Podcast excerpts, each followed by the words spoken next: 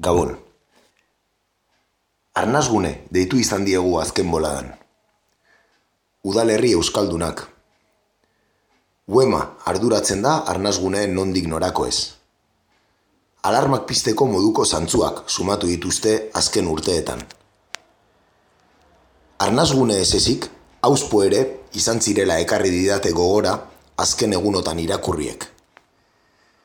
Jende asko ezagutu dut joan zen mendeko irurogei tamargarrenetik, laurogei garrenera, herritik baserriren batera joan eta bertan euskaraz ikasitakoa.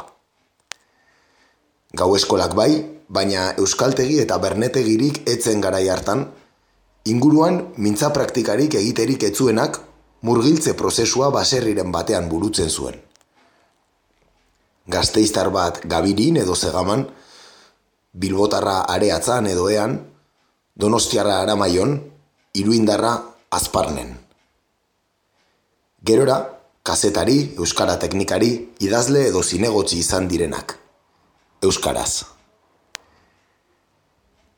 Irurogeitaka urte dituzte gaztetan kaletik baserrira euskaraz ikastera joan ziren haiek. Egun hurbil behar dituzte, baserriko ateak zabaldu zizkieten etxeko andre eta etxeko gizonek. Joanak izango dira asko. Eta kolektiboki, behar adinako eskerrik ez diegula erakutsi iruditzen zait. Azkartxo aldatu da zenbait gauza. Orain, bakebila jotzen da kaletik baserrira, nekazaritza turismoaren deiak erakarrita. Lehen, bertako hizkuntza ikasi arteko bakerik etzuenak, jotzen zuen landa eremura. Hauxe, Andoni Egainak atzokoan berrian Auspo izenburuarekin kaleratutako zutabea. Hemen hasten da gaur egur. Guten Tag, meine Damen und Herren. C'est la lutte contre le terrorisme. Katea ez da eten. Agirre, garaikotxea, leizaola. Gaur egur. Gaur egur. Gaur egur. jolasten eta enredando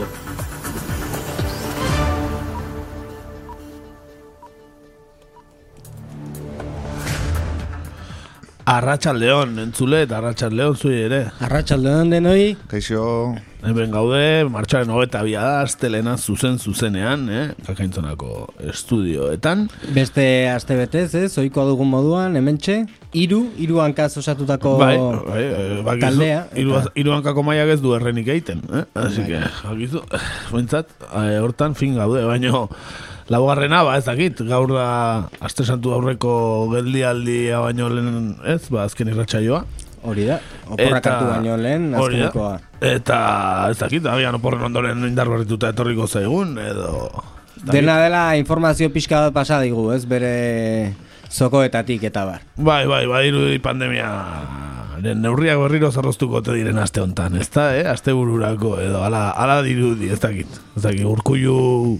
Urkulluren gatik ez da izango, urkullu da bastante libre duzteko, eh? Pertsona. Zalea, bai, bai. bueno, guazen arira, ozer. Hori da. Venga, ba, guazen lehenengo eta behin bertan gaurrekin.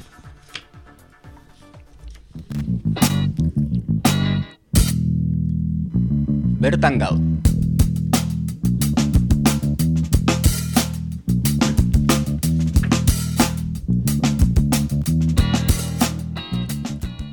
Bertan gaur atalean iparraldera joko dugu aspaldiko partez. Izan ere, polemika iturri izan da asteburu honetan Euskal Hirigune Elkargoko batzarra. Zein polemika egon da? Bueno, ba, polemika desberdin asko ondia, ez? Eh? Bazan garaia pixkat iparraldeako politikari buruz zeiteko, ez? Beti juten ganen iparraldera ere igual ez dugu erabat politikaz zeiten, ez? Edo, edo gauza Kulturaz sozialak, edo... Baina alderdiak eta politikoak eta ez du aipatzen. Bueno, ba, azteko e, polemika gonda batzarraren antolakuntzan bertan. Zatik, aurrik, aurrek ariri gabeko egoera hontan, ba, Euskal Hirigun Elkargoak batzarra egin zuen larun batean. Eta, klaro, osasun egoera udalata, ba, Jan Rene Etxegarai lendakariak autetxien erdiak bakarrik ditu zituen. Beste erdiak, e, ba, ikusi behar izan zuten telematikoki eta bozka delegatu beste zijoan beste autetxi bati eta bueno beraz horrek ja, ja polemika sortu zuen.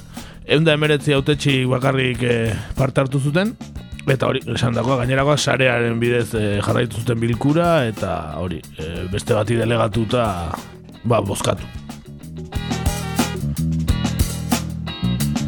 Etxe garaigua neurria justifikatu intzitun, esan zuen e, inzidentzia tasa berriz gora doala, iparraldean ere, eta erresuma batuko aldaera, ez, COVIDaren aldaera ere, ba, ba presente dagoela iparraldean, eta Pirineo Atlantikoetan batez ere, ez, eta e, ba, larrealdi sanitarioak, ba, alako, baimen, o neurriak hartzea baimentzen, baimentzen duela, ala esan zuen etxe garailen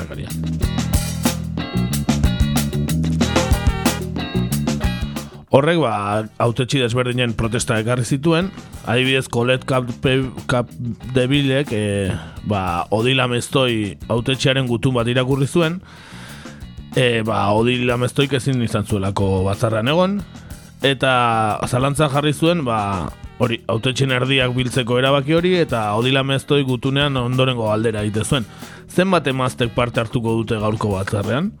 Eta erantzuna berak eman zuen gutxik, oso gutxik.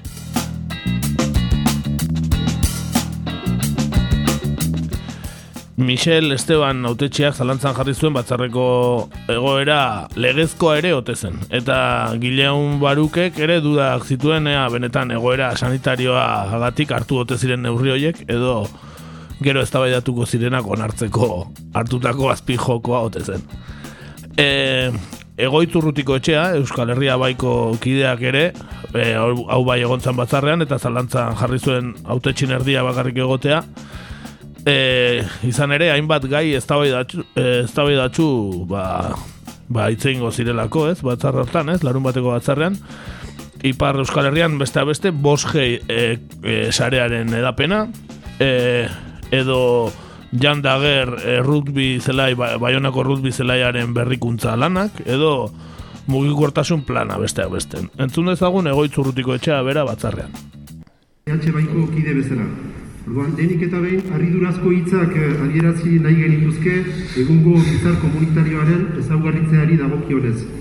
Harridura eragin zigun otxailaren ogoita zazpian, iragan beharra zen bizar komunitarioaren azken mementoko ezestatzeak, funtsean ezestatzea justifikatzeko aurkeztu ziren arrazoinen sendotasunak eta jatorriak ere emaiten digu zer pentsatua. Gisa berean, harridura eragin digu gaur iragaiten ari den biltzar komunitarioaren parte hartzea usaiazko erdira mugatzeko hartu den erabakiak. Noiz eta Ipar Euskal Herrian COVID-19 pandemiaren incidentzia tasa hexagonoko apalenetarik bat den, noiz eta kostaldeko autetxiak estatu ordezkaritzari etxeratzea aginduaren ordutegiak ibelatzeko galdetzen ari zireztelarik. Deigarria egiten zaigu. Urria eta bendua bitartean, pandemiak Ipar Euskal Herria astintzen zuen artean, ez genuen erreparo handiegirik izan, neurri sanitario zorrotzak errespetatuz, kontseilu komunitarioa biltzeko. Erran hori da, erabaki hartzeko manerek asko argitzen dutela erabakiaren funtsa. Hortaz, argiki erraiten dugu egungo egoeraren iturburuan den erabakiaren funtsak arrenkuratzen gaituela.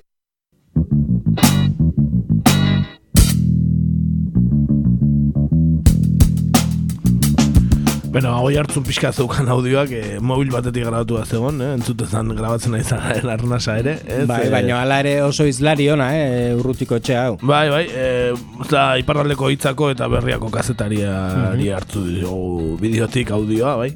Eh, ba, hori, polemika bera, ja, batzarra egitea izan zen, eta azkenean, eh, Horregatik ordu bete beranduago hasi zen, berez gai zerrendan zauden, zeuden gaiei buruz izketan, ba, lehenengo ordu bete ez zutelako, ba, nola, ba, autetxi erdiak bakarrik eh, joan alizan zuten batzarrera. Goazen gai zerrendarekin, e, polemika sortuzun lehenengoa Jan Dager Bayonako errugbi zelaiaren berritzea izan zen, ez? Bai, hori da, ez da nagusietako izan zen e, kezka piztuen proiektuaren onarpena gauzatu zen, eh? Jan Dager, Bayonako errutbi zelaiko armaiak berritzeko 2 milioi euro emango ditu elkargoak, eh? publiko, diru publikoarekin berrituko da. E, bi ordu baino gehiago iraun zuen ez honek, e, elkargoak 2 milioi euroko inbertsioa emango diolako Abiron Bayonet Rugby Pro enpresa pribatuari, ez? Hemen egualdean ere bakigu horrelakoak nola egite dituzten, ezta? Eh? Kirol erakunde desberdin, pribatu desberdinei diru publikoarekin, ez? Estadioak berritu eta bar, ba, bueno, iparraldean ere, Baionan, kasu honetan, berdin. Eta hori, ba, proiektuak izaera komunitario ote zuen zalantzan jarri zuten autetxi askok, eta gaineratu zuten, ba, gai hori oso berandu txertatu zuela gainera zerrendan etxe garaik, ja, azken momentuan txertatu zuen ez gai hori, eta demora eskasea izan dutela, ba, autetxiek, ba, ez da ondo prestatu eta datuak eh, edukitzeko. Ala eta guztize, esan behar da, alde bozkatu zela, Egun, da, berro bat bozka alde, berro eta lau kontra, eta hogeita lau astentzio. Beraz, e, ba, bi milioi euroko diru laguntza jasoko du abiron bai honek, e, bere armaiak berritzeko.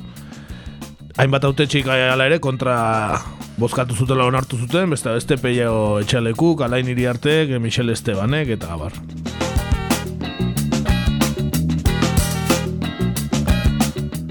Gaizerrendak ekarri zituen polemika gehiago, ez? E, bostgearen edatzea, edatze, sarearen edatzearen adibidez. Bai, gai polemikoa, bostgearena, ez da? Hemen, e, Espainiar estatuan e, broma e, erako ere bastante manduena, ez? E, artista batzuen arira, ez?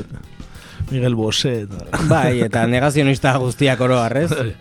Bueno, Ibar Euskal Herrian bosgeak izango den edapena ere izan zuten izpide batzarrean, e, esan bezala, aurreko, larun bago egindako batzarrean, eta bosgearen kontrako kolektiboa ere atarian e, egin, bueno, elkarteratzea egin eh? elkarteak, e, bosgearen kontrako elkarteak. E, esan Martin Bisauta irigun elkargoko lendakari ordeak e, aseguratu zuela, ez, ziurtatu zuela, elkargoak proposamen zentzuzko egingo duela bosgearen sarearen edapena kontrolatzeko iparraldean. Lehenik azpimarratu zuen Frantziako estatuak duela arlo horren eskumena eta ez hiri elkargoak. Baina, e, autetxu batzuk kezka helarazi dietela e, Frantziako gobernuari, eh? e, sarearen gatik. E, operatzaileen gatik ere bai, bos gearen edapenaren mapa eskatu zioten autetxiek e, balendakari ordeari, e, ba, egoera zautzeko. Eta ba, erritko etxeak, udaletxeak eta herritarrak eta informatzeko, ba, ba, zein izango den, sare horren edapena, nundi joango den, eta abar, ezta? Haibidez, e, urrutiko etxeak Euskal Herria Bairen izenan azaldu zuen e, moratoria bat eskatu zuela alderdi honek. E, ba, ba, pixka gehiago hausnartzeko gaiari buruz eta abar. E, baina moratoriarik etzen egin eta elkargoaren proposamena onartua izan zen autetxi gehienen partetik. E, eta bozka honen ondoren adibidez, ba, bisauta berak e, alde gintzun no, asambleatik, ez, daki guasarre edo. Eta entzun dezagun berriz ere goitzurrutiko txeak, asontan, e, bosgeari buruz. Zuen e, e, teknologia baten ezartzeaz. Eta horrek galde egiten zuela egiazko ez da demokratiko bat e, biltzarruntan, besteak beste. E, ikusten dugu beraz eginik izan den proposamenean e, moratorioaren e, ideia bazterturik dela. Egiten diren proposamenak aintzat hartzen ditugu, baina iduritzen zauku egin, egina den e, proposamen hontan hain zuzen, hau da, e, txegarai lehendakariak e, desmartxa bat egin dezan estatu ordezkarien eta operadoreen aintzinean e, gure kezka adierazteko, iduritzen zaigu moratorio batek indar gehiago emanen liokeela e, desmartxa hortan. Beraz, e, moratorio hori izan ezean, ez dugu, ez dugu e, proposamen honen alde bozkatuko. Donc,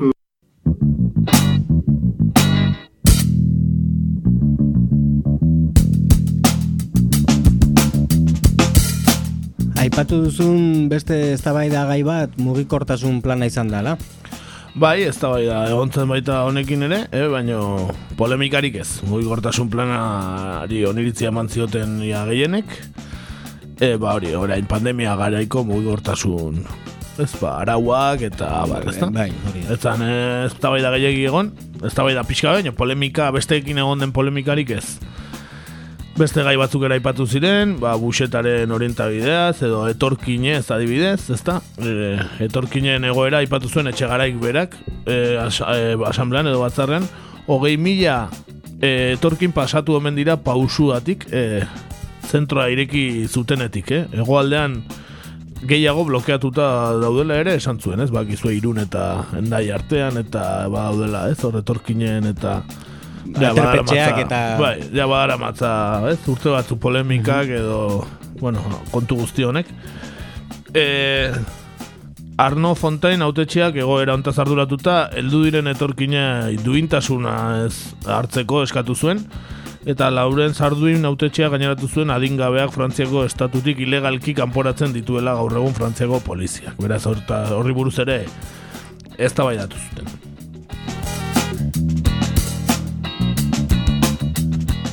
Baina agian polemika nagusia ez da gai zerrendatik etorri, erabilitako hizkuntzagatik baizik.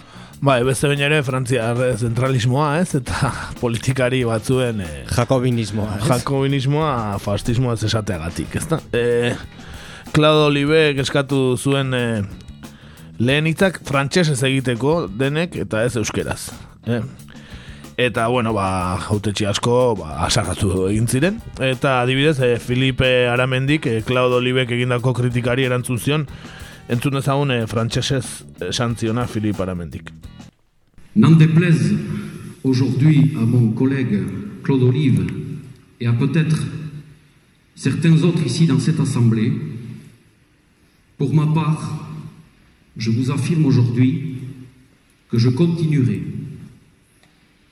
à exposer mes rapports en saluant cette assemblée et en introduisant ces rapports dans ma langue maternelle, qu'est.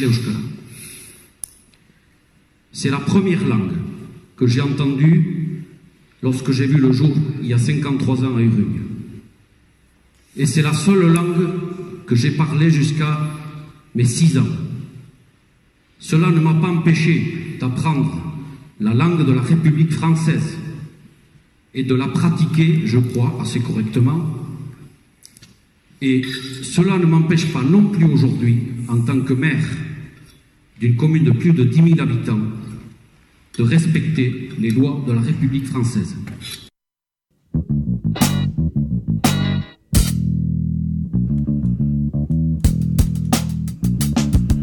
Bueno, ba, hori, esan zion, e, euskera dala bere ama hizkuntza eta ba, euskera zera hitz egiten jarraituko duela, ez? Umetatik ikasi den hizkuntza dala, e, hasieran hizkuntza hori bakar egiten zuena, eta bertako hizkuntza dala, eta errepublikako hizkuntzan ere hitz egiten dutela, baino zergatik ez bere ama hizkuntzan, ez? Nahiko, esan bastante eh, adierazpen neutro xamarra, gainera, ez pentsa, ez? Erantzuna izan zani Zatikan esan zion, segiko dut, frantxese euskeraz ere e, hitz egiten, ez Bai, bai, biak erabiltzen, nola baita, ez? Ni, ni zipitzik ez detu lertu, baina, baina, bueno, be, tonua behintzat E, bai. Osa, neutrala zan, ez? O, bueno, o, bueno, asarre zegoen, bai. baina, bueno, bakigu, egian ez, e, ez dira, egoaldean bezain sutsuki adierazten, edo bestera batera, aserrea bestera batera adierazten dute, ez? Baina, bai. Egia esan, e, betiko ez da eta horrein dibio eta batean ez da, ba, hori, errepublikako hizkuntza bagarra frantxesa, eta abar, eta abar, eta abar, ez da. Betiko, a, frantz, bai, duel, duela irureun urtetati berdin, ez? Hori da, hori da, gero, e, berdintasuna, askatasuna, ez, eta fraternitatea, anaitasuna, ez, aldarrikatzen dute, baina, baina bakarrik beraien hizkuntzan bada. Hori da.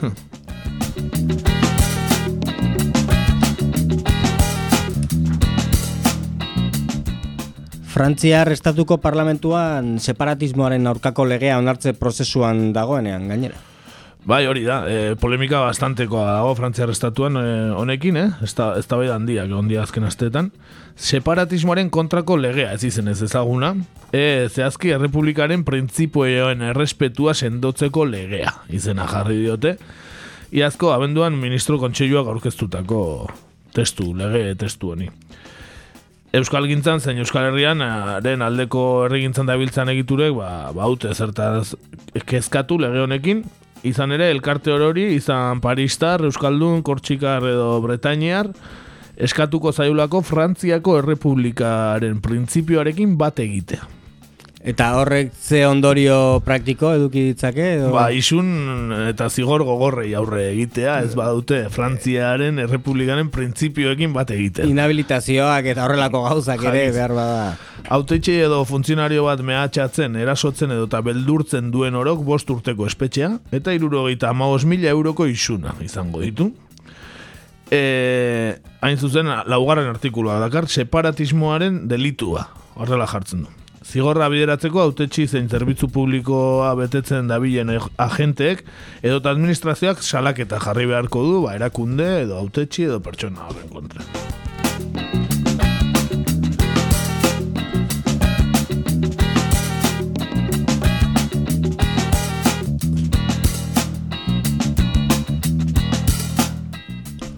Separatismoaren kontrako legea izena jarri badiote ere, gehien bat islamaren kontrako legea dela esan dezakegu. Bai, bai, dana, dana ditu zaku berdinean, ez da, eta separatismoaren aurkako legea ere bada, baina esan daiteke gehien bat e, islamaren eta etorkinen aurkako lege bat bezala izan daitekela. Ez da, Jan Castex lehen ministroak hasieratik argudiatu zuen errepublikaren etxaia dugu islamismo erradikala, izeneko ideologia politikoa. Eta honen kontra egiteko arma berria da lege proiektua dirudienez. E, milatzen da irurogeiko amarkadatik musulmanek Frantziako estatuan pairatutako bazterketa zein arrazismoa errealitate ukaezina da eta azken urteetan are bortitzago bihurtu zaie ba, islamofobia, eskuin muturreko den zabalkundearekin eta egon diren atentatu islamistekin ere bai, ez da? E, kezkaturi begiratzen diote lege proiektuari musulman askok, kultuko kulto askatasunaren murrizketa eta islamofobia ospatzeko elementu arriskutsuak direlakoan. Baina orokorki begiratuta el, eh, elkarte guztiak egon marko lukete kezkatuta, eh, beste e, ba, beste beste ba, herritarren hurbileko kontrola ekarriko duelako lege honek, e, delitu berriak izango delako, ez da Frantziar estatuan, eta ba hori errepublikaren printzipioak onartzen ez dituen guztien kontrako lege lege bat e, eztabaidatzen ari delako parlamentuan, ezta. Lege moderno eta aurrerakoi bat, eh? Bai, hori da, hori da, beraz, ba, hori, oraindik jakoismoa gehiago indartzeko, eh, Frantziar estatuan. Terrorea pixka bat berriro ekartzeko. Bai, ez dakit, e, inguruko Europako herrialdeak ikusita kejatzeko moduan dauden frantsesak separatismo eta barren indarra, indarrarekin, ez? Anu- herriaren baten badaldin baude ja nahikoa zanpatuta, ez? Bai. E, estatu gabeko herrialdeak eta abar, ba, Bai. Frantzia izango da. Bai, ala ere, Korsikan, bueno, esan beharra dago ez, Talamonik orain uste daukala boterea eta nazionalista direla, ez dakigu ze kutsutakoak egia esan oso ondo, baina Bai. baina hor badago oraindik eh, ez, eh, nolabait kontra egiten dion ere txiki bat. Bai, gaina kontutan eduki behar da, ez dakit urren urtean uste diala hauteskundeak ere Frantzian, eta fronte nazionalari ere pixka bat... E, Terrenoak entzeko? Hori da, terrenoak entzeko ere, horrelako lege hau eta horrelako erabakiak hartuko dituz ziurrenik. Bai, noski, ba, gero baita ere, eh, egon dira mobilizazioa gain Bretaña arrizkuntzaren alde, ikasteko eskolatan, esan ba daude mugimendua Frantziar estatu osoan, ez, e, ba, baino jakobinismoa indartsu dago, aspalditik, eta Bai, bai, bai, bai, lege bai. hau gabe ere, ez daukala kezkatzeko Ez, eh, in- inork eh, asimilatu baldin baditu bere barneko herrialdeak hor- hori Frantzia izan da, ez dudari gabe. Ze, bat zeuzkan hainbat eta indarrez gaur egun zoritxarrez oso gutxi geratzen dira. Ez? Bai, eta gaina hauen eh, pandemiaren garaian, nondik gehiago indartu da egoera hori ez. E, Parisen e, zentrismo hortan e, ba, politika guztia, ba, hortan oinarritzen du ez, erabaki guztiak, ba, Parisen oinarrituta hartzen ditu ez, eta beste tokiak ez, Frantziako beste herrialde batzuk eta kontuetan hartu gabe ez, eta askotan e, ba, guztiz diferentea da egoera ez, Eta bai, Bai, hori bai. adibidez salatzen ari dira ere Ipar Euskal Herritik. Bai, bai, bai, eta asi, asimilazioa esaten zenuen barne hexagono barneko herrien asimilazioa, baina, bueno, ez ikasi zuten, eh, bai, hexagonotik kanpoko herrialdeak asimilatzen, eh? Ah, bai, hori, hori ere, bai, hori, bai. Beraz, bueno, aspalditi dakite eh, zer dan, eh? koloniak izatea, eh? eta Frantziaren eh, errepublikaren gaientasuna, eh? Hori da. Bueno, ba, guazen nazio artena, pixkat iparraldeaz eta hitz egin dugu, eta guazen nazio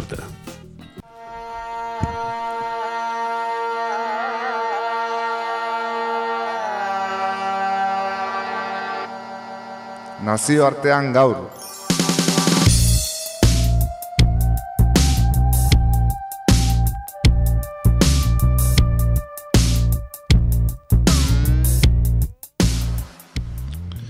Joan den, joan astean Turkiaren inguruan hainbat berri jaso genituen, alde batetik eh, larun batean violentzia matxistaren aurkako Europear konbeniotik atera zen, eta Europar batasunarekin iazko abenduan berretzitako migrazio akordioa berrikusten hasi omen dira, bi aldeak, ez?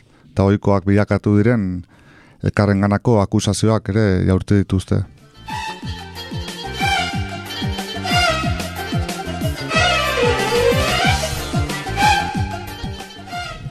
Bestalde, barne politikari dagokionez, joan den asteazkenean, Turkiako fiskal nagusiak HDP oposizioko alderdia legez kanpo usteko bidea hasi du, konstituzionalean eskaera zabalduz. Eta hau dena, amar urte bete dituen Siriako gerran eta ekialde hurbilan oroar hartu duen papera kontuan hartu gabe.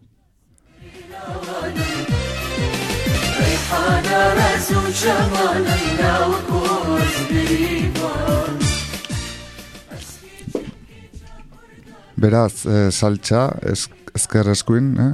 azken aldiko joera bat dirudi Turkiak eh, nazioarteko politikan duen presentzia gorakorak, ezala? Bai, eh, Erdoganek badirudi ulertu duela Turkia ez dela inork mespretsa lezakeen herrialdetxo bat, ez? Munduan daukan kokapen estrategikoari kasu egiten badiogu behin behin. Duela urte batzuk gogoratuko duzue, e, Europar batasunan sartzeko bidea eta autua egina bazeukan eta hor bazegoen debate moduko bat, baina gaur egun bide propio bati ekin diola dudarik ez dago, naiz eta ez dio muzin egin noski e, Europar batasunan sartzeari ez. E, izan Erdoganen sultan izateko naia edo eta Errusia, Europa eta Amerikako estatu batuekin dituen harreman interesatu bezain euskorrak Siria eta Irakeko gerretan jokatutako paperak edota laikotasunetik islamismora egiten ari den bideak, e, Turkia geopolitikaren erdigunean kokatu du gaur egun, ez?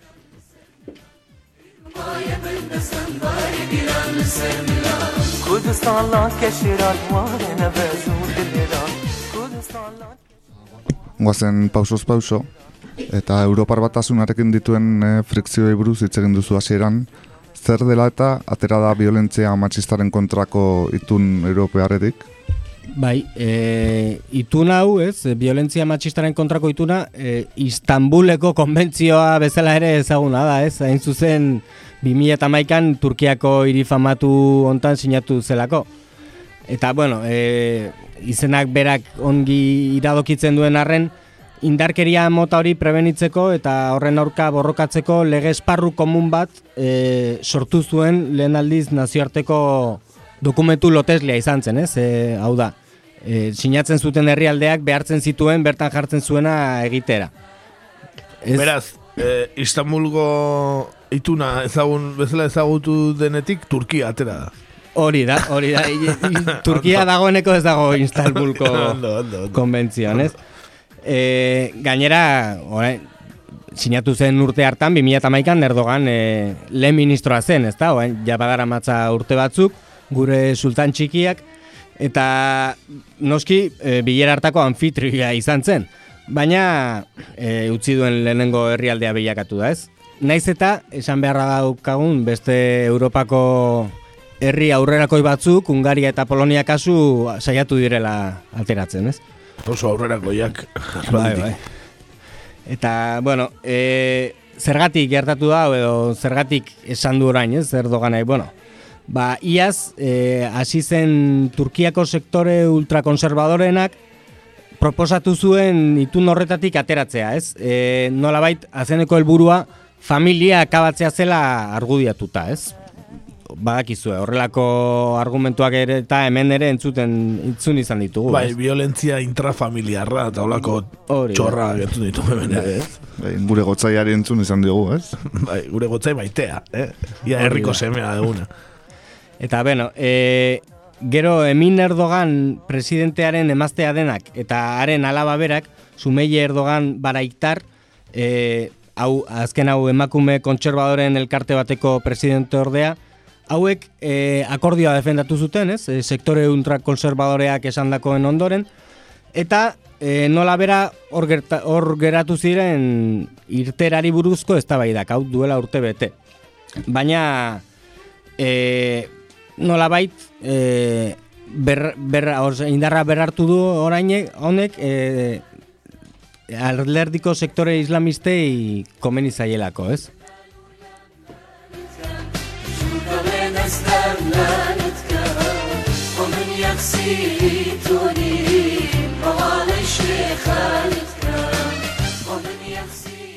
Eta zergatik orduan orain? Bai, hori, eh, aipatu da moduan e, ba, beste bere alderdiko osea, bere gobernuak irauteko beharrezkoa duelako, ez? Hori da hori da erantzuna. Izan ere sektore islamistenak eta elkarte religioso ezberdinak e, zuzendutako erabaki bat izan da, ez? E, nolabait be alderdi arteko paktua edo, ez? Hori da, alderdi arteko paktu bat izan da, ez? Boterean jarraitu dezan, gure sultanak. Hori da, hori da. Gutxi gora bera hori da erantzuna, ez? Eta, bueno, orain gontan esan dute e, testuak edo akordio, Istanbuleko akordioak homosexualitatea sustatzen duela, ez? E, sexu orientazioa terminoa erabiltzeagatik, horregatik bakarrik. Eta familiaren balioak erasotzen dituela. Elkarrekin bizi diren pertsonen harremanak e, deskribatzeagatik eta irten bidea gure ohitura eta tradizioetan dagoela esan zuen Fuat Oktay Turkiako presidentordeak, ez Twitter sare soziala. Eta beraz, ba, bueno, lengo, lengo lerroa jarraitu, ultrakonservadoren argudio berberak erabiliz, gutxi gora bera, ba, e, nola bait, hortan eman dute erabakia, ez?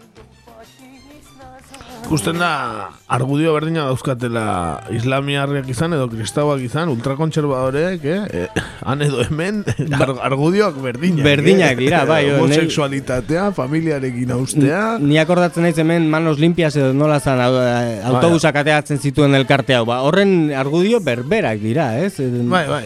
Gero esatu dutena, ez? Eh, Argudioak dei badin badaitezke, noski. Bai, bai, azkenean berdin dola zein den erligioa, ez? Bai. Kontua da, estremismo berdina direla, eh? Erligio desberdinak izan da ere, eh? Hori da.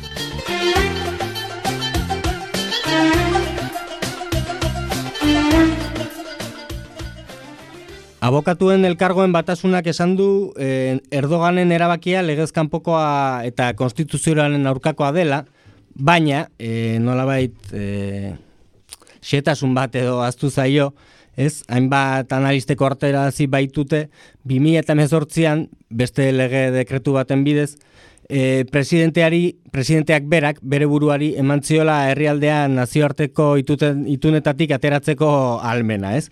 Beraz, ilegal, ilegala ez da, Turkian bertan, ez? Bai, bueno, berak bere legea indu bere, ez? Hori, hori da, bere, nahietara, ez? Hori da. Egin zuen, ba, zetorrena edo pixka bat aurre ikusita, ba, esan zuen, bueno, guazen terrenoa preparatzera, hmm. eta gure sultanatoa ondo mantentzen. Beste eh? behin erakutsiz demokrazia indartsu bat dela e, Turkia, hori Espainia, iaia ia Espainiaren pare. Mm, hori da, nik uste Europar batasunean sartzeko daukan bidea da Espainiari alik eta gehien bai, edo agian, igual Espainia aterako Europar batasunetik, orduan. bai.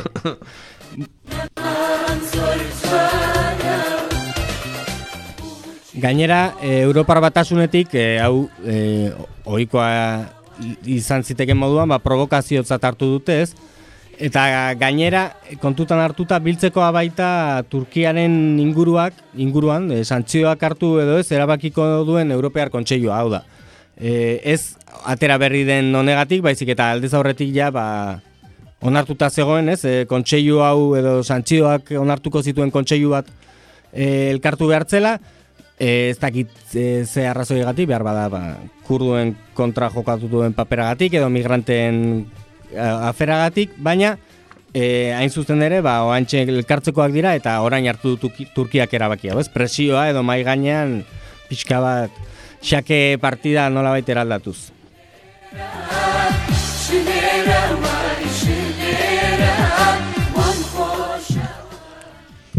Frikzioa beraz, oikoa bilakatu da bi aktore hauen arteko harremanetan, errefusiatu eta migratzaileak aipatu dituzu. Bai, e, iazko urtarrin lamaieran bildu ziren lehenengoz Bruselako eta Ankarako ordezkaritzak, ez? E, giltzaporroaren giltza bere eskuetan zegoela jakinda, ez? E, Recep Tayyip Erdogan presidentearen ordezkaritzak eskariak handitu zitun, ez? Esan zuen, bueno, tak, hementxe ultimatum bat. Eta, bueno, alde batetik ohikoa dena, diru gehiago nahi zuen Ankarak, e, argudiatuta etzela gai siriatik e, iesean zetozen guztiak herrialdean hartzeko, e, kontuan hartu behar da Turkia dela munduan errefusiatu gehien daukan herrialdea, e, eta horietatik lau milioi e, siriako gerrati zela, ez? Berak parte hartu duen siriako Berak parte hartu duen siriako gerrati, noski, bai, bai. Eta baina beste balintza ere jarri zuen, ez? E, diruaz gain, e, Eh, hau hain zuzen ere Europar Batasuneko kide izateko elkarrizketei berriro heltzea e, 2005ean hasi ziren e, elkarrizketaiek gogoratuko duzue baina e, handi gutxira eten ziren. E, Frantziak ez dio Frantziari ez zaio gehiago gustatu. Erabaki, erabaki hau ez? Edo hau esan izan eta beno, e, iazko txaiaren hogeita zazpi gauean e, Turkiak gogoratuko zarete Grezian Greziarekiko itsasoko eta lurreko muga zabaldut zituela eta nahi zuen guztiari pasatzen utzi ziola, ez? E, mila kalagunek e, aprobetsazututen abagunea e, muga pasatzeko eta bueno, beste Europa inguruko beste estatu batuetara pasatzeko. E, Greziak ordea indarrez kanporatu zituen, ez?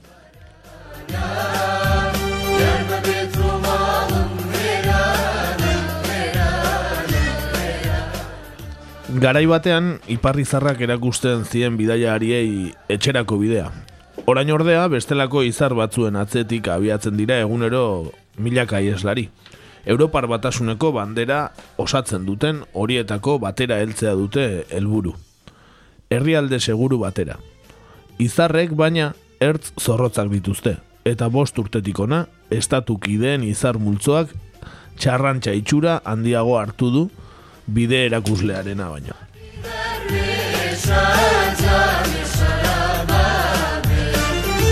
Ba, hori hori ez, azkenean e, Turkia eta Europa batasunaren arteko migratzaileek ordaintzen dute politika joko honen bueno, pastel guztia, esan dezakegu eta eta beno, ba inorrez dela demokrata hemen, ez? Ez, ez, baino azkenean, eh, esan daiteke, gero delitu bada ez, trata de blancas eta ez, pertsonekin Eh, negozia pertsone pertsonekin negoziatzea bai bai pertsonekin trafikatzea trafikatzea ba, hori hori egiten nahi dira. Dudari gabe pertsonak ere helburu politikoekin erabiltzen ari dira hori hori ez dago. Horregatik horregatik eh, diot eh, hau delitu bat litzateke ez? Bai beste askoren artean beste bat. Mafia batuek egingo balu delitua litzateke baina nola estatuek egiten duten ez da hori da zilegi zilegi da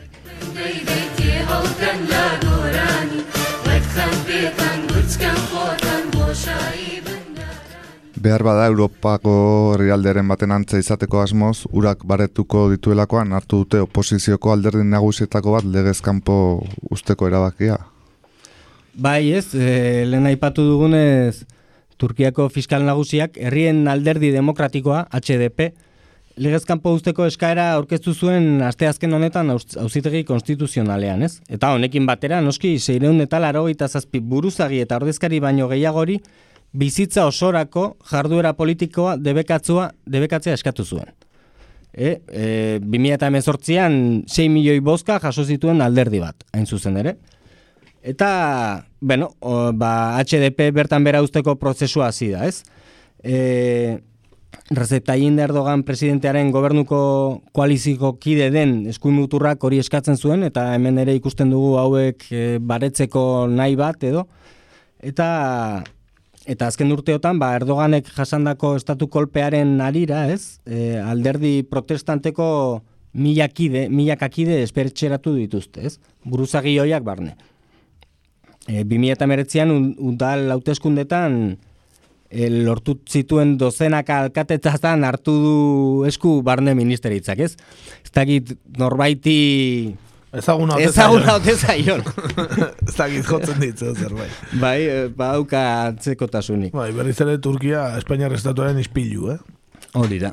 Eta geroago ikusiko dugu, badaudela beste, beste lotura batzuk, ezta?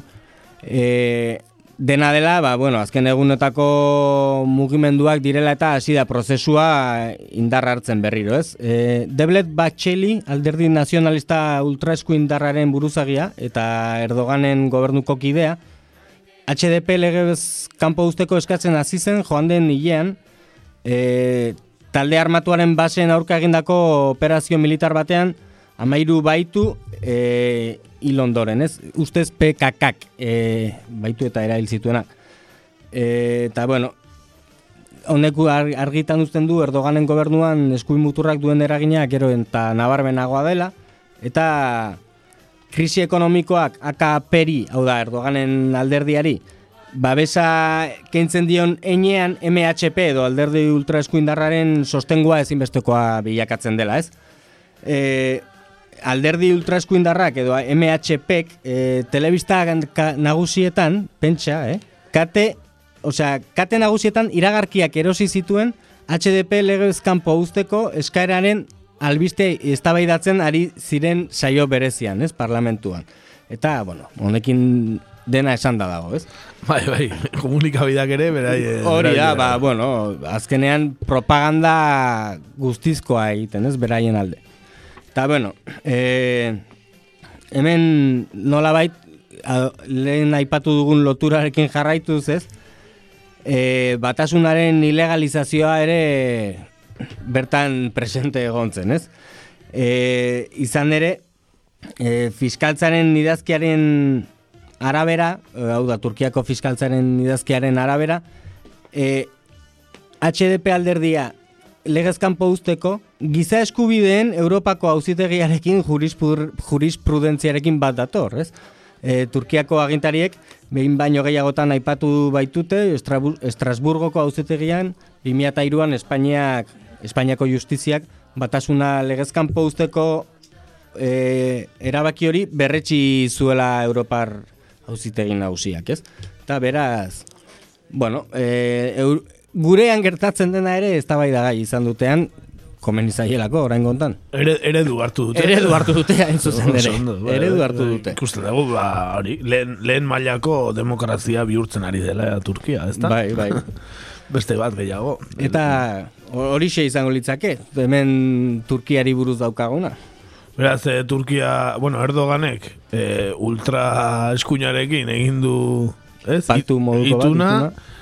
eta horrek jarri du eh, machismoaren aurkako legea kentzea, ez? Itun, Istanbuleko hitzarmenetik irtetzea, ekarri du partidoan ilegalizazioa, Hori da. eta gainea, errefusiatuen kontuarekin Europar batasunan sartu nahi du. Hori da. Dana perfecto. Hori da. Dana perfecto, horrela behar luke.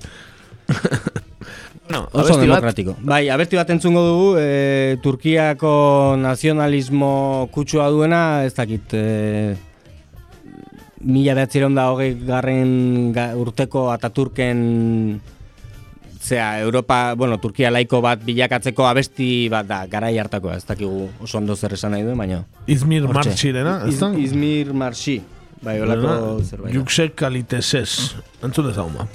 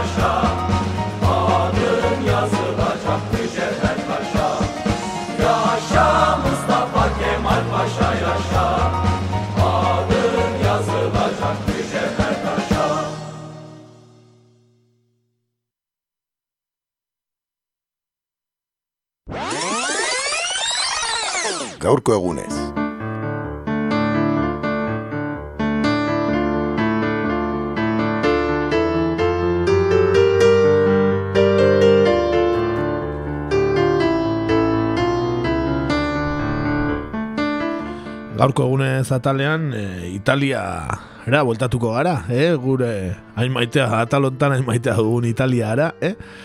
Italia astindu zuen gertaira historikoaren zati bat goratuko dugu.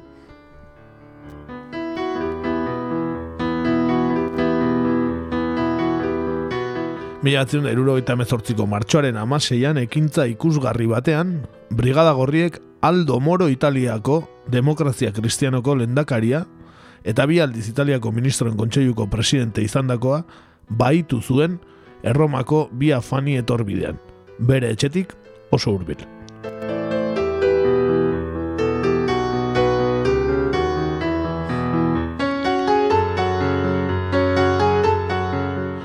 Moro, goiz hartan adostu behartzen Italiako gobernu berriaren investidura saiora zijoan, Giulio Andreotti izendatu behar zuten Italiako ministroen kontseiluko presidente, demokrazia kristiana eta Italiako alderdi komunistaren e, botoekin.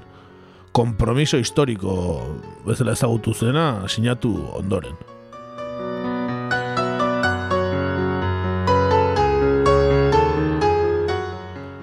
Guazen ba, Aldo Moro nortzen ezagutzera, eta mila batzen da eta mezortziko martxoaren amasoiko goiz hartan Erromako bi afani etorbidean gertatu zirenak errepasatzera. Buongiorno. Il presidente della Democrazia Cristiana, Aldo Moro, è stato rapito questa mattina alle 9.10 da un comando di terroristi mentre usciva dalla sua abitazione al quartiere Trionfale per recarsi a Montecitorio dove alle 10 era fissato l'inizio del dibattito, il primo dibattito parlamentare sul nuovo governo Andreotti. Moro era scortato da cinque persone, i terroristi hanno fatto fuoco, secondo le prime notizie, quattro dei cinque uomini di scorta, due carabinieri e due agenti di pubblica sicurezza eh, sarebbero morti. Non si sa se il quinto sia rimasto ferito e non si sa nemmeno se l'onorevole Moro sia rimasto ferito. Hoi da velozidadea, eh?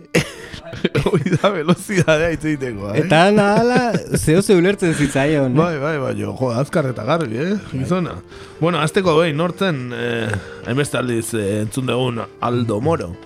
Ba, bi aldiz eh, Italiako lehen ministro edo Italiako kontseiluko presidente izan zen, e, bigarren mundu gerraren amaieratik e, karguan denbora gaien eman zuenetako bat, sei urtez guztira. E, ba, mila behatzen da irurogeita irutik e, irurogeita zortzira eta irurogeita malautik irurogeita maseira.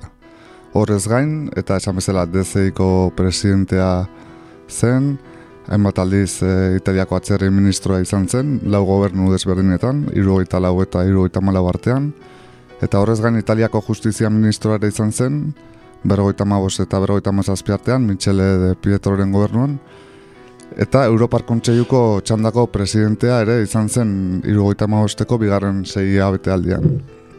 Ba, dudari gabe, e, Italiako bigarren mundu gera osteko buruzagi garrantzitsuenetako bat izan zen moro, intelektual bat eta negoziatzaile trebea zen. Bere alderdiko barne gatazkei aurre egiteko askotan erakutsi zituen doainak.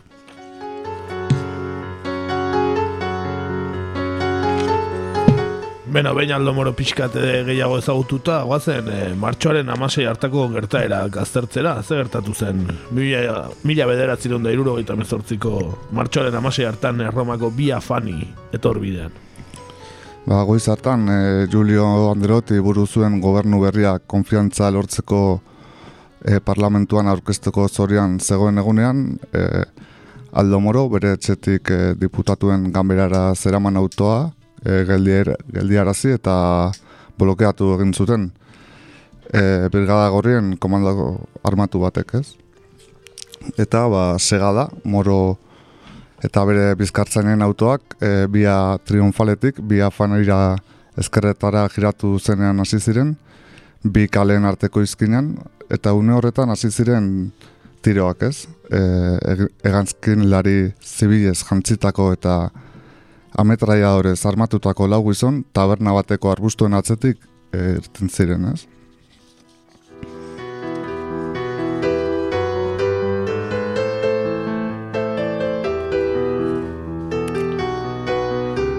Ekintza ikusgarria. Bai, bai. Eta, bueno, e, psiata ipatu, segundu gutxiren barruan, e, brigada gorriek, moroen autoan zioazen bi karabineriak hil zituztela, eta beste eskolta auto batean zioazen hiru poliziak, eta behin hori eginda, e, moro e, presidentea, e, Kristau Demokrazako presidentea baitu zuten, ez? Esan, e, tiroketa gertatu eta berehala, e, brigadistek e, moro atera zuten Fiat eundagoita mar batetik eta Fiat eundagoita mabi urdinen batera igaro razi zuten, gero beste hiru brigadistek e, moro zeramatzan autoa estresa bidetik e, abiatu ziren ez. Eta azkenik beste Fiat eundagoita mar batek e, mororenak ziren bi maleta jaso zituen eta ziztu bizian alde zuten. Eta esan mororen eta bere bizkartzainen autoak blokeatzeko erabili zuten beste fiatun da hogeita zortzi zuri bat, ba, segadaren lekuan utzi zutela ez. Eta aipatu, ba, ekintza guztiak e, guztira iru minutu baino etzituela iraun, eh? Goizeko behatzi eta bi minutuetatik, behatziak eta bost minutura ez. Eta fiatek eh, patrozinatuta, ez, dirudienez. Aipatu behar da, e, lehen ikerketen arabera, e, lero gaita tiro egin zituztela, eta horietatik e, berrogeita bostek, eh, haitu, eskoltako gizonak eta poliziak jo zituztela, eh? E, horietatik emeretzi tiro arma berak egin zituen, e, beste goita bi beste arma batek, eta e, gainerako hogeiak beste lau arma desberdinek ez. Bi pistola eta bi ametraiatea, zaten dute. Bi tirozale onak ez, el, hogeita bi eta emeretzi bota zituztenak, eta horietatik euneko berrogeita marra asmatu, eta beste batzuk hor ez zirenak ainonak. bai, bueno, eh, asmatu zuten ez, zatik Aldo Moro berak presidenteak etzuen ingo zauririk jaso, eh? zen zauriturik izan. Profesionalak, orduan, ez? Eh? Guztiz profesionalak.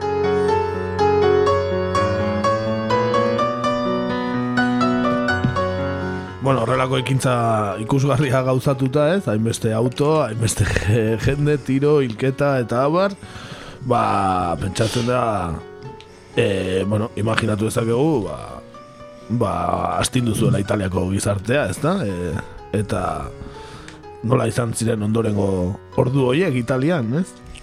Ba, bai, ba, imagina ezakegu ze lurrik gara sortu zuen, ez? Erasoaren eta baiketaren e, berri herrialdeko bazter guztietan zabaldu zen, eguneroko jarduerak bat batean eten ziren, ez? erroman dendek e, pertsianak jetsi zituzten, Italiako eskola guztietan ikasleak e, ikasgelatik irten, eta bat bateko batzarretan bildu ziren, telebista eta errati emanaldiak aparteko dizioko albistek eten zituzten bitartean, e, entzun dugun bizela, e, segada eta baik eta e, amarrak eta amarrean erbindikatu zituzten brigada gorriek antza agentziari egindako dei batekin eta e, onako mezu hau eman zuten. Gaur goizean, Moro Demokrazia Kristauaren presidentea baitu dugu. Eta haren bizkartzaina desarkerrarazi dugu. Datozen orduetan, prentsa bar bat aterako dugu. Brigate Rose.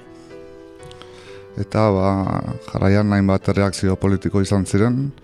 Adibidez, eh, Enrico Berlinger, eh, Italiako alderdi komunistako idazkaria, egun horretan legoiltzarrean Andreoti gobernuren e, konfiantzaren alde boskatzea zegoen alderdia, ba, kompromiso historiko de, e, historikoaren ba, sorrera markatu behar zuena, ba, prozesu politiko positibo bat geldiarazteko muturreko saiakera batez hitz egin zuen, ez?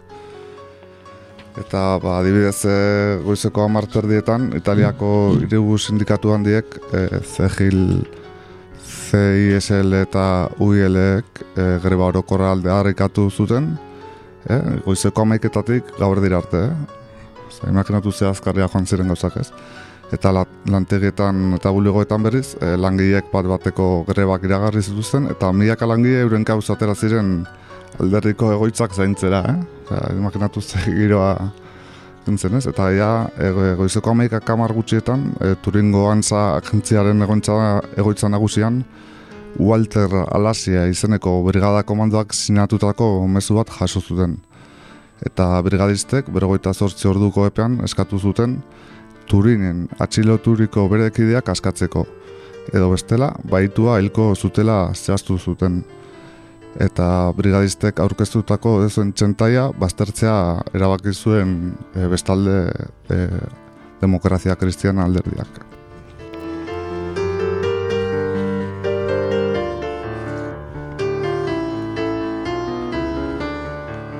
Bueno, lehen ordu zalapartatxu eta gatazkatxu horiek e, igarota, zer eskatzen zuten baitzaiek, e, kasu honetan, e, brigada gorriek? Beno, ba, goiz hartan bertan, e, bidaldu zuten komunikatuan, ondorengoan, ondorengo hau esaten dute. Martxoaren amaseian, ostegunean, Brigada Gorrietako talde armatu batek, Aldo Moro Demokrazia Kristauko presidentea atxilotu eta espertxeratu zuen espetxe batean.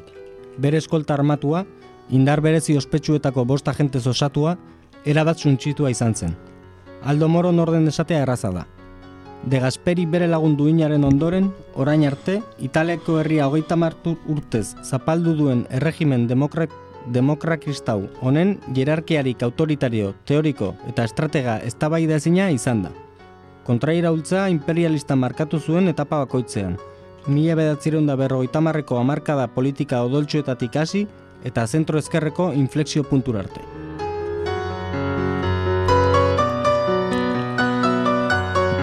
Bai. Ba, hori, brigada gorrien helburua, ba, demokrazia alderdia, demokrazia kristian alderdia, kristau demokrazia kolpatzea zen. Eta e, PZRI dagokienez, e, alderdi komunistari dagokienez, ba, etzen bere txaia, e, arerio edo lehiakidea baino ez. Eta adibidez, e, urte batzuk geroago, aipatu adibidez e, brigadista ezagun batek Mario Moretik elargoita marrean egindako adiriazpen batean esan zuen ba, brigada gorriek e, kristau demokraziaren eta alderdi komunistaren arteko urbilketa e, elkar, eta elkartasun nazionalaren eragile nagusia kolpatu nahi izan zutela. Eta fani etorbidean e, e, ekintza hartan zegoen beste brigadista batek Franco Bonisolik esan zuen ba, erakundeak e, Julio Andreotiren baiketaren aukera ere aztertu zutela, baina gero aukera hori alde batera utzi zutela, ez? Zatik, eh, Andreoti Roma erdialdean bizi omen zen, eta moro, ba, pizkate Romako auzo batean, ez? Pizka bate kanpo aldean, ez? Eta horregaitik errezago zitzaien moro baitzea, ez?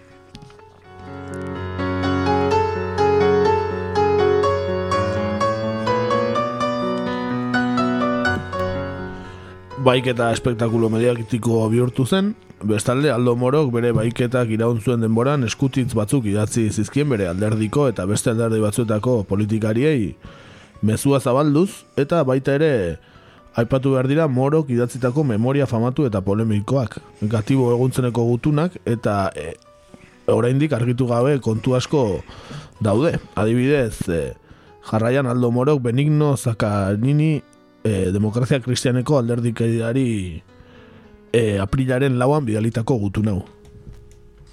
Zakanini agurgarria. Piccoli, Bartolomei, Galoni, Gaspari, Fanfani, Andreoti eta Kosiga jaunaren gana jotzeko asmoz idazten dizut. Guztiek irakurri nahiko baitute gutuna. Eta denek onartu nahiko baitizkiete erantzukizun individualak eta kolektiboak. Lehenik eta behin, demok demokrazia kristianari buruz ari naiz denei eragiten diguten akusazioak egiten zaizkit, baina ordaintzeko pres nago. Imaginatzen zaiak ez diren ondorioekin. Jakina beste alderdi batzuk ere badute zer esan, baina demokrazia kristianari dagokio lehenik eta min mugitzea. Mugitu egin behar baitu, noski. Beste alderdiak ere. Bereziki Italiako alderdi komunista.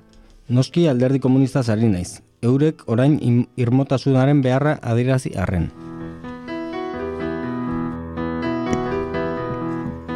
Bai, ez, ba, zuk aipatu bezala, e, baik eta espak, espektakulu mediaketikoa biakatu zen, e, ba, terroristak estatuaren aurka, e, bezalako ba, espektakulu handi bat montatu zuten komunikabidek, eta hori ez, ba, komunikabidek paper garrantzitsua izan zuten egun horietan, eta Italia guztia telebistaren aurrean jarri zuten ez. Eta txiloketaren garaian, e, morok e, largoita zei gutun idatzi zizkien kristau demokraziaren agintari nagusiari, nagusiei, baita familiari, baita agunkari nagusiei, eta garai hartako Paulo Seigarrena ja, eta santuari ez. Eta beste batzuk e, ere ba, beste hainbat e, ezagunei ere ez. Eta urte batzuk e, ondoren karabinariek e, bian monte negozoko gordelekoan aurkitu zituzten ez. Eta eskutitzen bidez, e, ba, moro bere alderdiko kideekin eta estatuko kargu gorenekin negoziatzen saiatu zen ez. Adibidez egutun horietak horietan e, morok bere familiari eta alderdik edidei mezu kriptikoak ere bidalizizkiela uste izan da. Eta adibidez, e, Leonardo Eskiatxia idazle Siziliarren arabera, eskutitz berdinetan, morok e, ba, gordelekoaren kokapenari buruzko benzuak e, bidaltzeko asmoa izan zuen ez. Hau baiketaren lehen egunetan bintzat ez. Ba, erromantzegoela jakin arazteko adibidez ez. Eta e, epaiketan e, lekuko gisa, bere emazteak ere, ez zenbait pasartetan morok argi utzi izan zuela, ba, hiriburuan bertan zegoela, ez? Eta adibidez, eh, aprilaren zortzian sinatutako gutunean ondo, ondorengo hau irakurtzen da. Jakina ezin dut esangabe utzi gogotxarrez maiten induten demokrata kristau guztien gaiztakeria. Alderdiarentzat beharrizkoa izanez gero salbatuko ninduten. Une gogor honetan nire min pertsonal sakonak dirau. Inor damutu alda nahi ez nuen pauso hau ematera bultzatu nautelako? Eta zakan nini, nola gont zaitezke lasai. Eta kosiga, nire odola haien gainera eroriko da.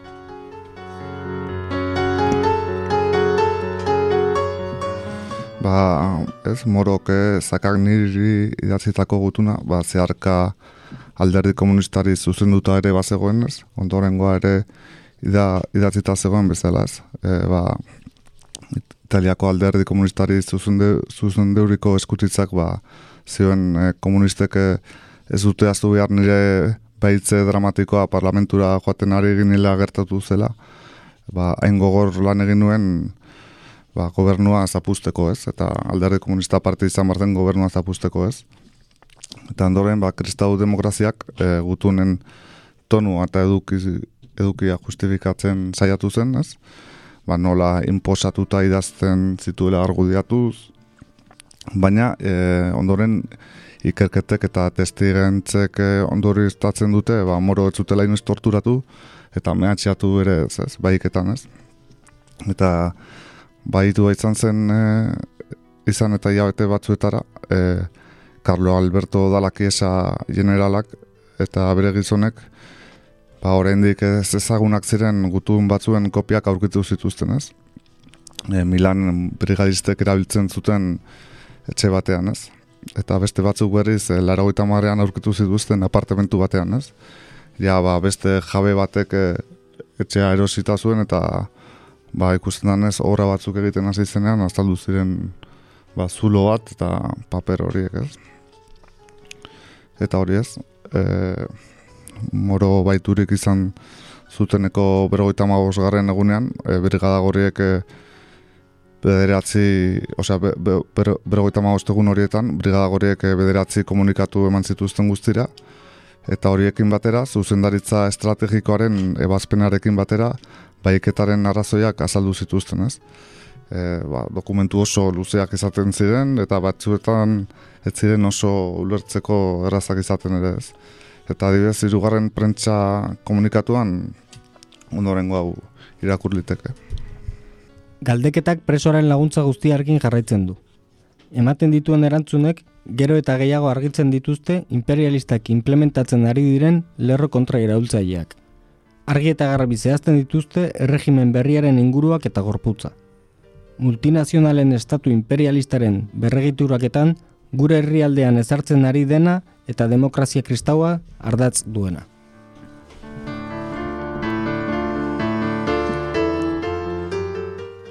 Ba, guztira e, zortzi prentza komunikaturen bidez, mororen bizitza une horretan espetxean zeuden brigadista batzuekin trukatzeko, ba, e, gartzelako frontea delako ere proposatu zuten, eta preso bakarrarekin ere trukatzea ere onartzera iritsi ziren, ez? momentu batean, ez?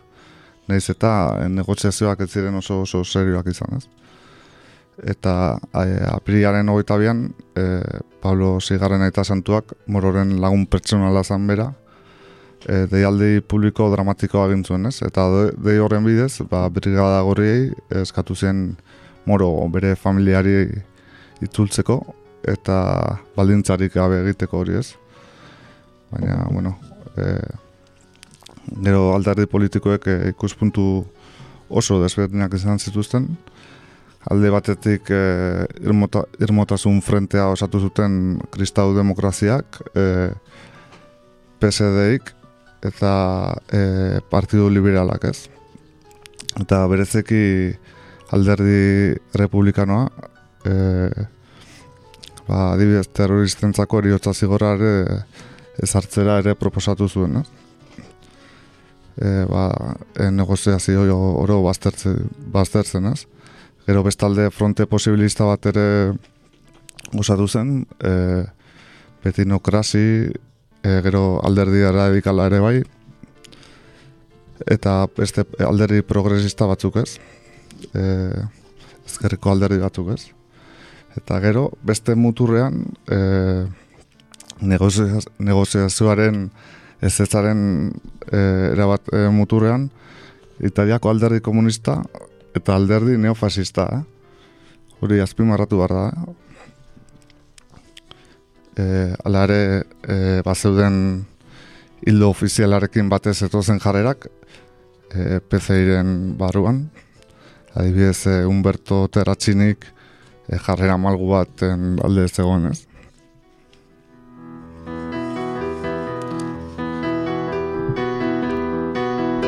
E, Zamara argi eta garbi negoziatzearen alde zegoen e, bakarra, e, alderdi sozialista eta alderdi erradikala zirela. Beste denak, e, kontra eta gehien bat nabarmendu zena gainean negoziazioaren kontra, alderdi komunista izan zela. Eh?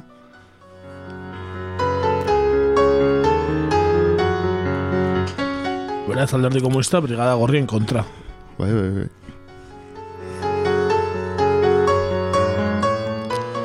Epatu bergoita maostegunen buruan, e, maiatzaren behatzean, politikari e, italiar honen gorpua e, abandonatu zuten auto baten maleterian, erromako biakaetan etorbidean, e, demokrazia kristabaren eta italiako alderdi komunistaren egoitzen artean, zegoen toki batean ez ba, simbolismoz betetako erronka bat bezala. Bai klase politikoari eta bereziki polizia birari, non nazio osoa eta bereziki Roma zaintza zorrotz baten pean mantendu bai zuten hainbat egunez, ez? Bizkat aipatzearen, ba, egun horietan, e, irugoita mabi mila, lareunda irugoi kontrol ezarri zituzten, horietatik e, irurogei mila baina gehiago erroman, ez? E, goita zazpi mila eta zazpireun etxe registratu zituzten, horietatik egi e, irurogeita mar mila, e, osea, barkatu, horietatik sortzi mila erroman, ez? E, gero, e, zeireun mila baina pertsona baina gehiago kontrolatu zituzten erroman, kontroletan, e, e, iru milioi baino inspekzio egeiago egin zituzten erroma guztian, e, autokontroletan. Osa, imaginatu, zenbat e, polizia kontrol. Ze kantia, eh? Biegizkoa, biegizkoa, eh?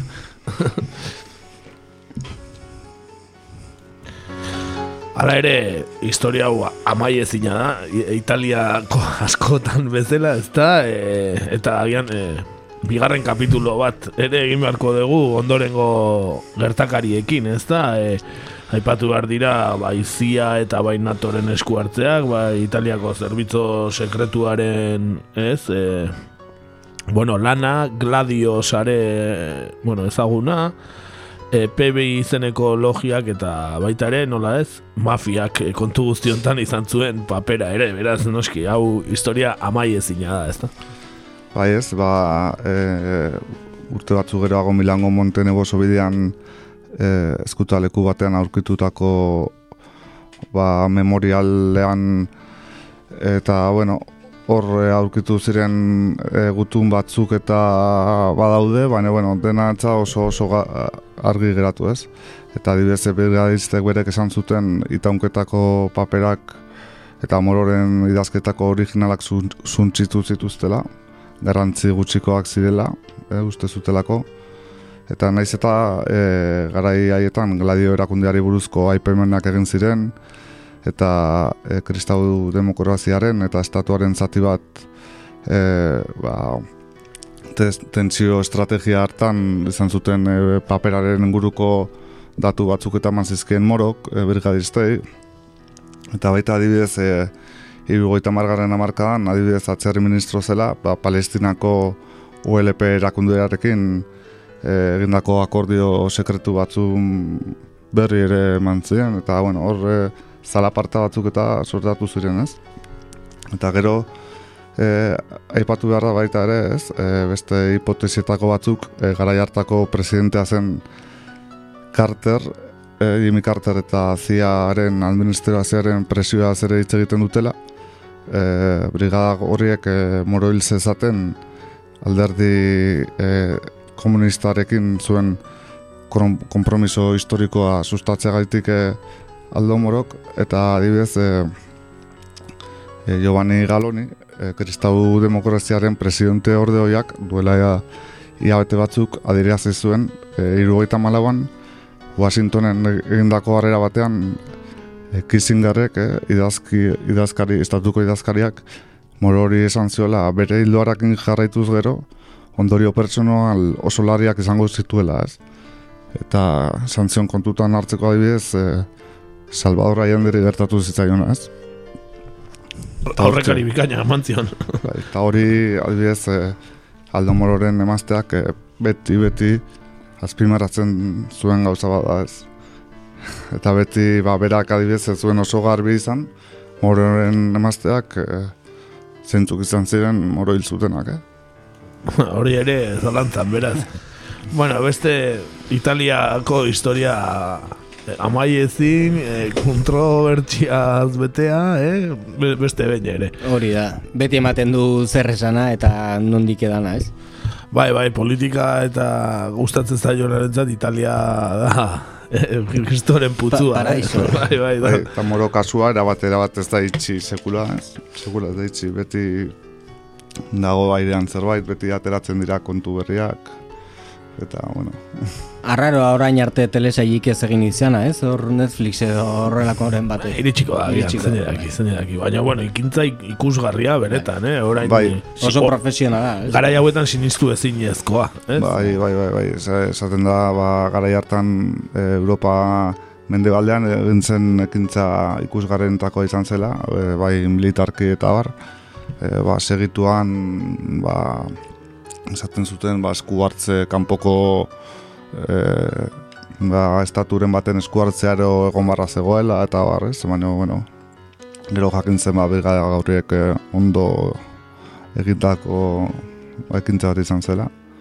Baina, bueno, nahiz eta badauden gauza batzuk, ba, oraindik oso, oso argi zaudenak. Badauden konspirazio teoriak, ez da?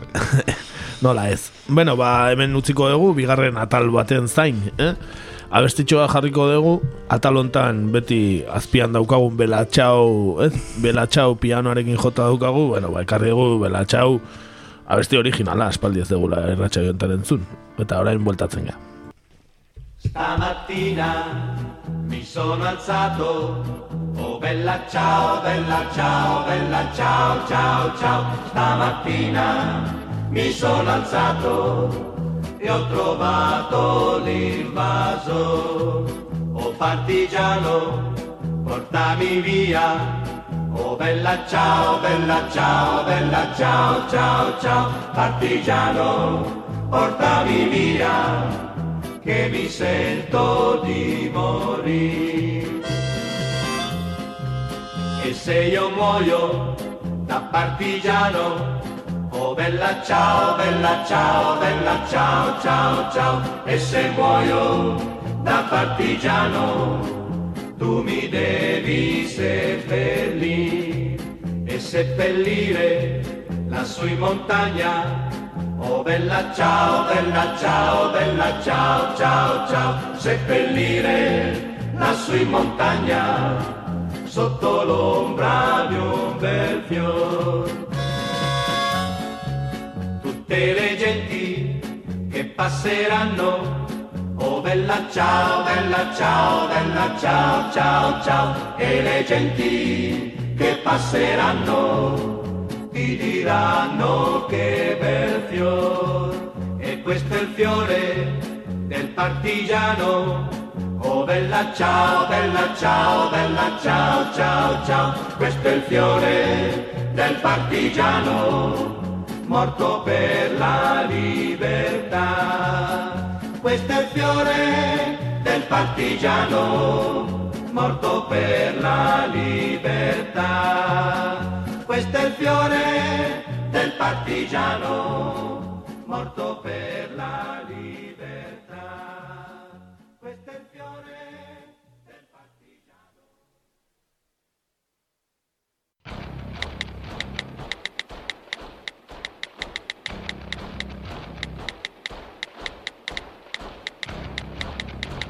Und das deutsche Volk Sieg ein! Sieg ein! Sieg ein!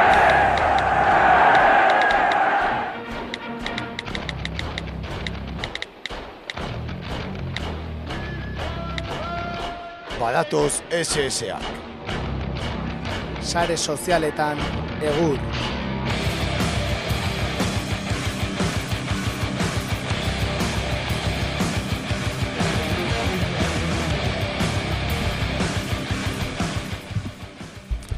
Honorin Courage eta Blue Lives Matter ohore adoreari bizitza urdinek asola dute. Leloa duen jertxe bat soinean, zuela agertu zen Gontzal Biaga Rodríguez lehiakidea aurreko igandean ETB bateko baserria lehiaketan. Lehiakidea eta ofizioz ertzaina.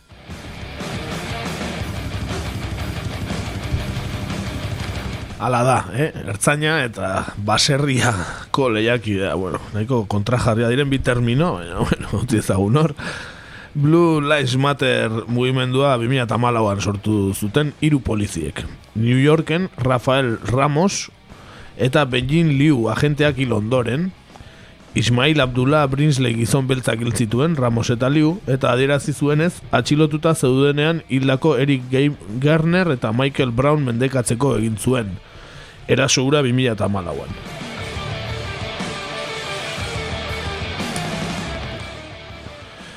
Poliziaren aurkako indarkeria salatzeko mugimendu gisa definitu dute Blues, Blue Lives Matter, eta geroztik mugimenduak eh, lan egin du poliziak hiltzen dituztenei gorroto delitua ezar diezaieten, beste beste.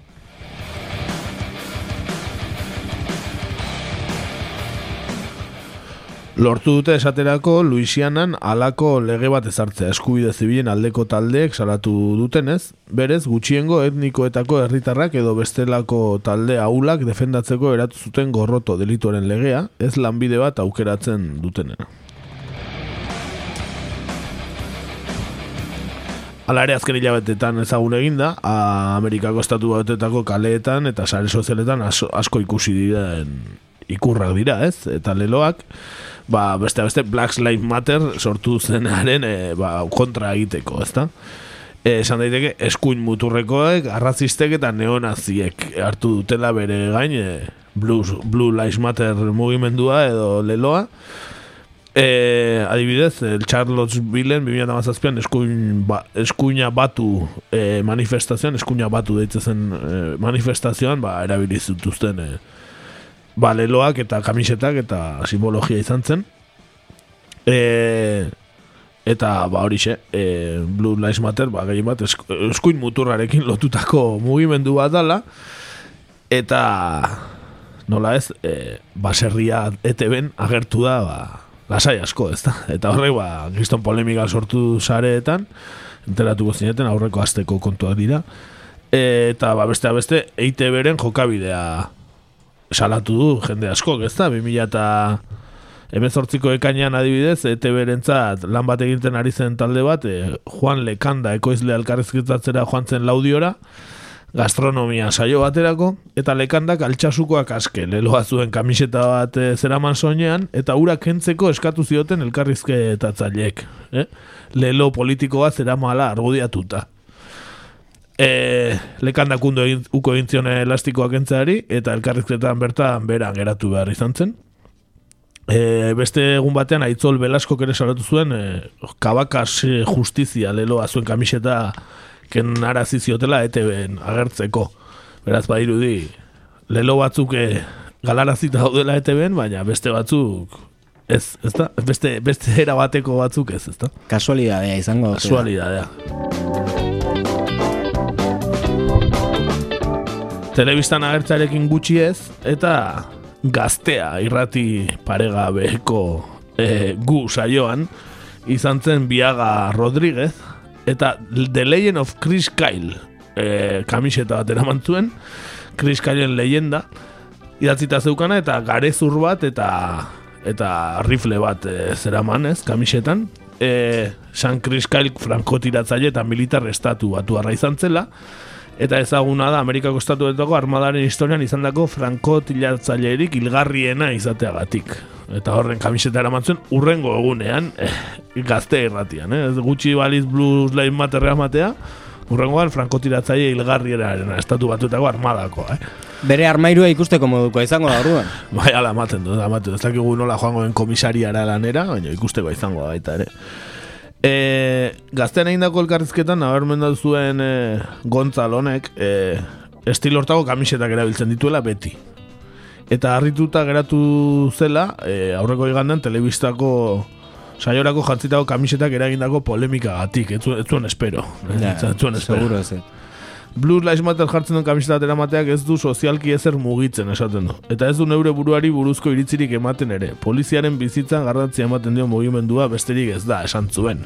Hala ere, baukagu bere hau entzun dezagun, e, ertzain lehiakide honen hau estia.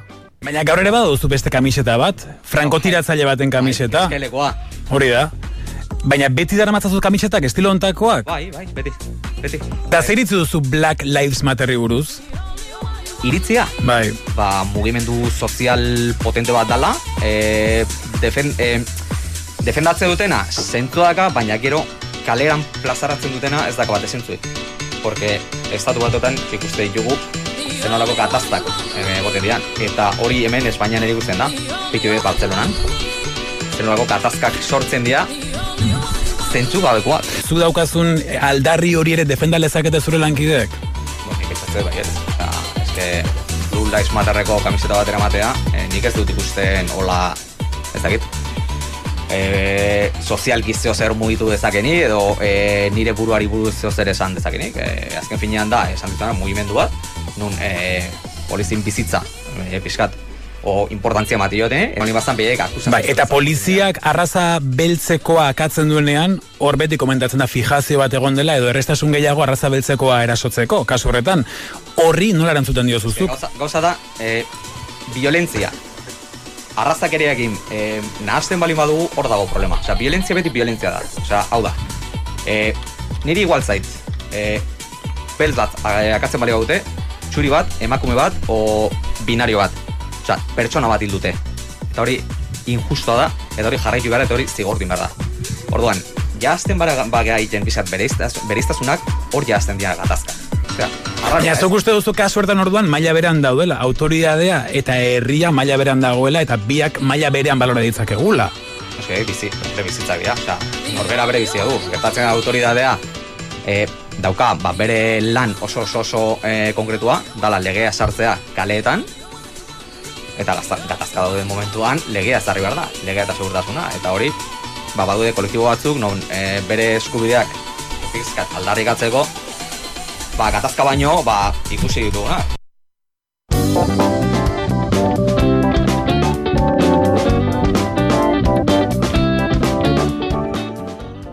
Bueno, hortxe geneukan, e, Gontzalen ahotsa uzten zutenean entzuten e, olako tema makineroa azpian jarrita, eh? Az, e, elkarrezketa bat horrela, puf, pizkat astuna entzuteko ere. Bai, bai. Bueno, bere hau behar bada astunagoa zen. Bera... Bai. bueno, bari, beha ez dara ultra eskuindarra, eh? Eta Gainik gustatzen zaiten adierazpena da, bere lankidek ere eramango luketen kamista dela uste dula. Bai. Eh? Ba, oso argigarria. Bai, adierazgarria, bai, era bat. Ba, Eta bere nagusiak, erkorekak. Erkoreka elegantegoa, igual korbatan eramango luke idatzita, eh, Blues Lion Brother edo olakon bat, eh? Baina... Ba, hoxe, beste bat gehiago, ete ben, ez da, eh? hainbeste maite dugun eh, ente publikoa eh, ze ondo, ze ondo lan egiten duen, eh? ze programa politiak, ze jende ona eramaten duen, eh? benetan bikainari dira. Eledugarria. Ba, benetan bikainari dira. Bueno, ba, hortxe, ba, polemika sortu du, eta, bueno, baukagula ultra eskuina Euskal Herrian e, euskeraz ere bai, eh? Bai, bai, eta gehiago ikusiko dugu zoritxarrez. Haude, hortik anez, gizpuzkoa sortzi sortzi, eta bat zeuden, ez, historiko batzuk, ez da, izan ban behi, eta zorren baiti biliko dia. Ertzain sartuko ziren, akaso. Bai, ertzaina, ertzaintzan ondo begiratuta ultra eskuina zantzu batzuk agertuko liratekela uste dugu, eh? Nik uste du baiet. Bai. Bueno, ba, hoxe, hoxe aste, on, aste ontakoa, eta...